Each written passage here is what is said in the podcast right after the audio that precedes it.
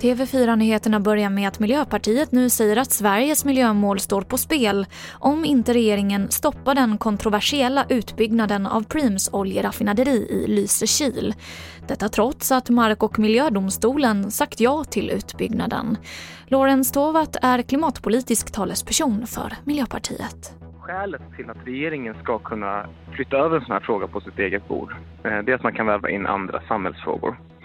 Eh, och då vet vi att just den här utbyggnaden den eh, innebär så stora utsläpp, så stora ökningar av utsläpp att det är ett direkt hot mot våra klimatmål. Och just därför så menar vi i Miljöpartiet att det här är oacceptabelt. Vi går vidare till Sudan som utlyser undantagstillstånd sedan en halv miljon människor drabbats av svåra översvämningar.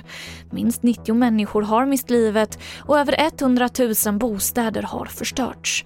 Sudan är inne i den regnperiod som varje år orsakar skador i landet. Men årets översvämningar beskrivs som de värsta. Och regeringen har nu beslutat att ge ytterligare en miljard kronor till idrotten. Detta rapporterar SR om. Och man gör det här för att kompensera för de ekonomiska förlusterna under coronapandemin. Och det var det senaste från TV4 Nyheterna. Jag heter Emily Olsson.